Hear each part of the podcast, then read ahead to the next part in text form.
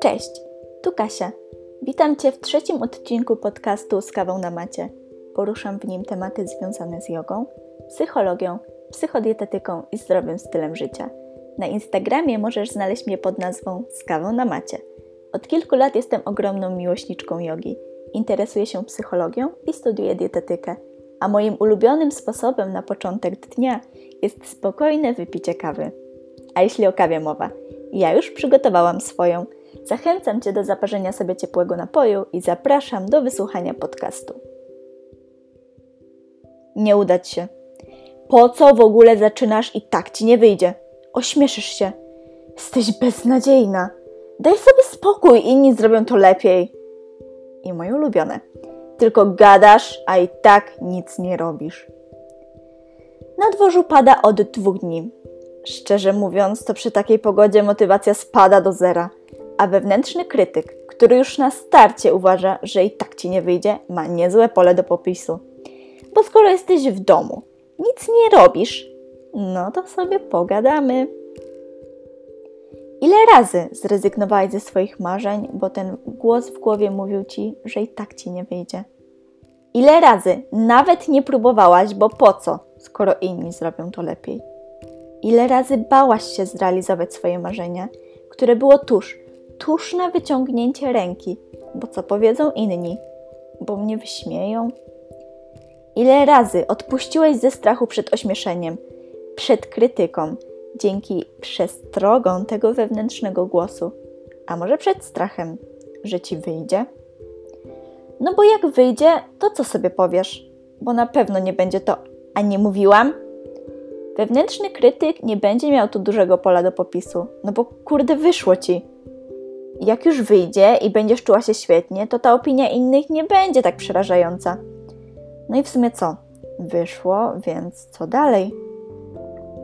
Z mojego postu na Instagramie wiecie, że założenie tego podcastu zajęło mi rok. Równy rok.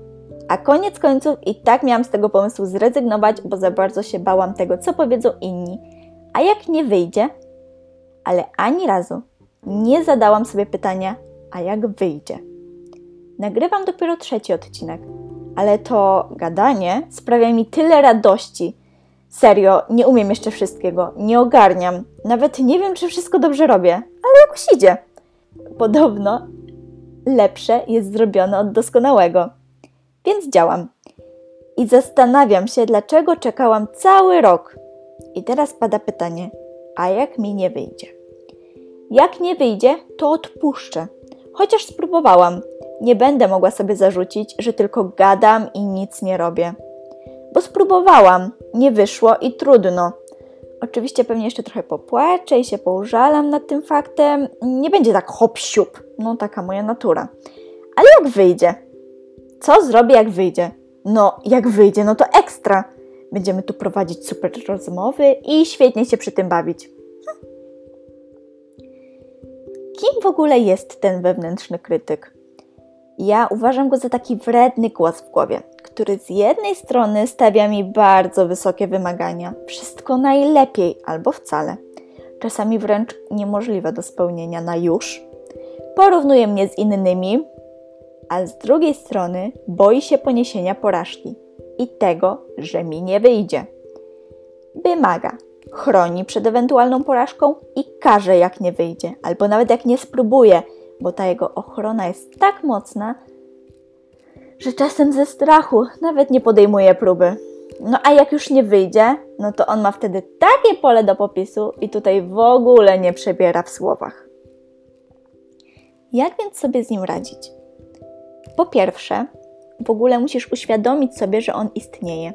Jest i mówi tam do ciebie dość mało wspierająco, no to ustalone, a ty często go słuchasz, i to normalne, ale warto te myśli o sobie zaobserwować. Mieć świadomość tego, że one się pojawiają, w jakich sytuacjach i jakiego typu. Gdy już to zaobserwujemy, możemy próbować zmienić ten dialog wewnętrzny na bardziej przyjazny. Wewnętrzny krytyk będzie w nas zawsze, więc jak już ma do nas mówić, to lepiej, żeby mówił przyjaźnie niż jako najgorszy wróg. Spróbuj na początek zmienić słowa typu jesteś beznadziejna na tym razem ci nie wyszło, ale się starałaś. Następnie zapisz słowa, jakie do ciebie mówi, nawet jak są niemiłe. Takie przelanie ich na papier lub dokument w komputerze pozwoli ci się od nich zdystansować i spojrzeć na nie trochę inaczej. Po drugie, opieraj się na faktach. Łatwo jest się skrytykować, bo nic ci nie wyszło. No pewnie, ale spójrzmy na fakty. To mój przykład z wczoraj.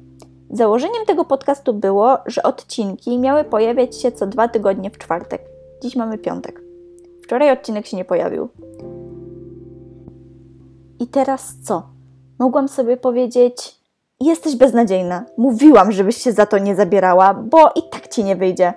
No to takie klasyki w tym moim dialogu wewnętrznym odnoszą, odnoszą się one do wszystkiego i do niczego.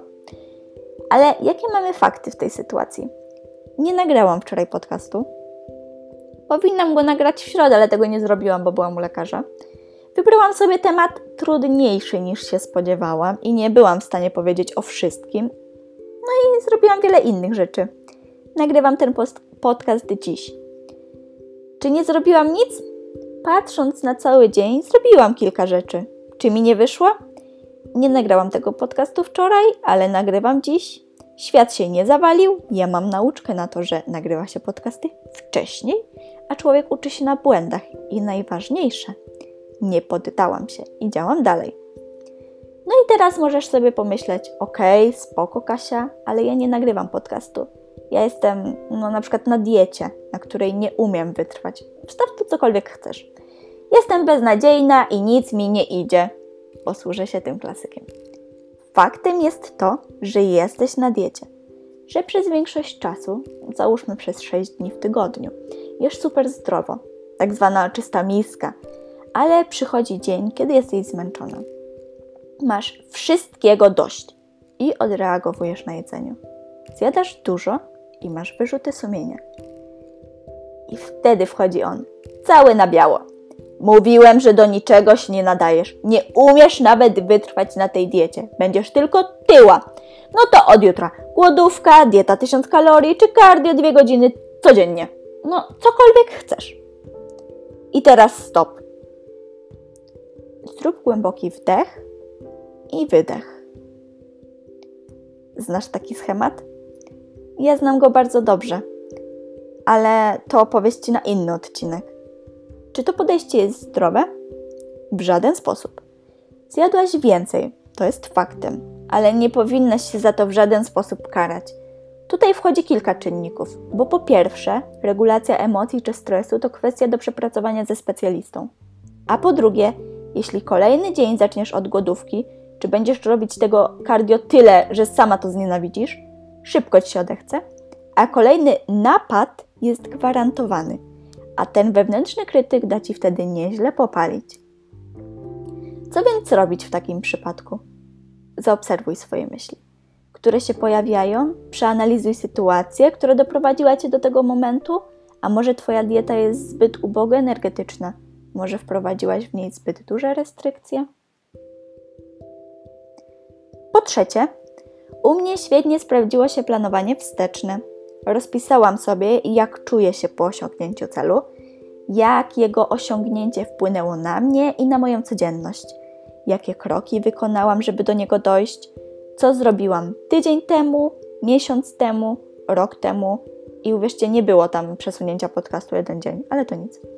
Wyobraziłam sobie, że już to osiągnęłam i rozpisałam każdy wykonany krok. Jakbym odpowiadała młodszej sobie na pytanie: Jak to zrobiłaś? To planowanie pomogło mi trochę uciszyć ten wewnętrzny głos, bo miałam dokładnie rozpisany cel, znałam każdy krok, wystarczyło go wykonać. A więc, jaki najmniejszy krok ty możesz wykonać, aby zrealizować swoje marzenie? A co jeśli ten wewnętrzny krytyk chroni cię przed opinią innych? Po pierwsze, no to nie jesteś zupą pomidorową, żeby cię wszyscy lubili. Tu zacytuję klasy, który krąży w internecie. Zresztą znam osoby, które nie lubią tej zupy. Hm? A po drugie, żeby uniknąć opinii innych, musiałabyś nie robić nic i w ogóle być nikim.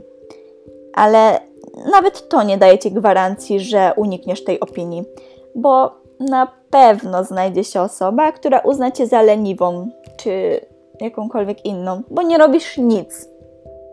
W walce, albo raczej z uciszeniem wewnętrznego krytyka i też zbudowaniem większej pewności siebie, polecę Ci zadanie, które sama dostałam na terapii. Jeśli prowadzisz dziennik wdzięczności, to super. Jeśli nie, może być trochę trudniej, bo nie wszystko możesz pamiętać, a wiem z autopsji, że bardzo zaniżamy własne dokonania. Więc tak, weź kartkę i długopis lub otwórz plik i notatki i zatytułuj Moje małe zwycięstwa. Będzie to plik, w którym zanotujesz wszystkie rzeczy, które udało Ci się osiągnąć od początku tego roku. Każde miłe słowo, jakie do siebie powiedziałaś, każdy uczynek miły skierowany do siebie, zanotuj wszystko. I tu właśnie może przydać się dziennik wdzięczności, bo możesz cofnąć się wstecz i wynotować wszystkie dobre rzeczy, które dla siebie zrobiłaś. A następnie przeczytaj te rzeczy na głos. Na głos. Nie w myślach. Nie po cichu. Możesz iść do pokoju, w którym będziesz sama, albo poczekać, aż nikogo nie będzie w domu. I przeczytaj. Głośno, wyraźnie, powoli. Skup się na tym, jak się czujesz i jakie emocje ci towarzyszą, jak brzmi Twój głos. Gdy pierwszy raz robiłam to zadanie, myślałam, że moja terapeutka oszalała. Dała mi jakieś durne zadanie. No, na co mi to w ogóle jest? Mm. Nie mogłam wydusić z siebie ani słowa. Głos uwiązł mi w gardle i dobre kilka minut zajęło mi powiedzenie na głos pierwszego dobrego uczynku. I to nie było powiedzenie głośno i wyraźnie. To było takie, no, udało mi się. Pewnie nic nie zrozumieliście, no bo nie mieliście. Tak to powiedziałam. Często wracam do tego zadania w gorszych chwilach. Otwieram ten plik i czytam. Przypomina mi to, co już osiągnęłam, buduje moją pewność siebie i poczucie własnej sprawczości. Dzięki tym osiągnięciom wiem, że poradzę sobie ze wszystkim, bo dużo już mi się udało. Zresztą, co ja ci będę opowiadać, mi też terapeutka opowiadała. Lepiej spróbuj i sama przekonaj się o swoich odczuciach. Wewnętrzny krytyk będzie w nas zawsze. Tylko od ciebie zależy, jak głośno będzie do ciebie mówił i jaki będzie to dialog wewnętrzny. Czy pozwolisz mu zaprzepaścić swoje marzenia? Czy pozwolisz, aby opinia innych sprawiła, że zrezygnujesz ze swoich planów? To Twoje życie i jeśli sama się o nie nie zatroszczysz, nikt inny tego nie zrobi. Pozwól, żeby ludzie się z Ciebie śmiali. To słowa, które przeczytałam w jednej z książek i to z nimi Cię zostawiam. Życzę Ci miłego dnia lub nocy zależnie od tego, o której słuchasz tego podcastu. I do usłyszenia w kolejnym odcinku. Cześć!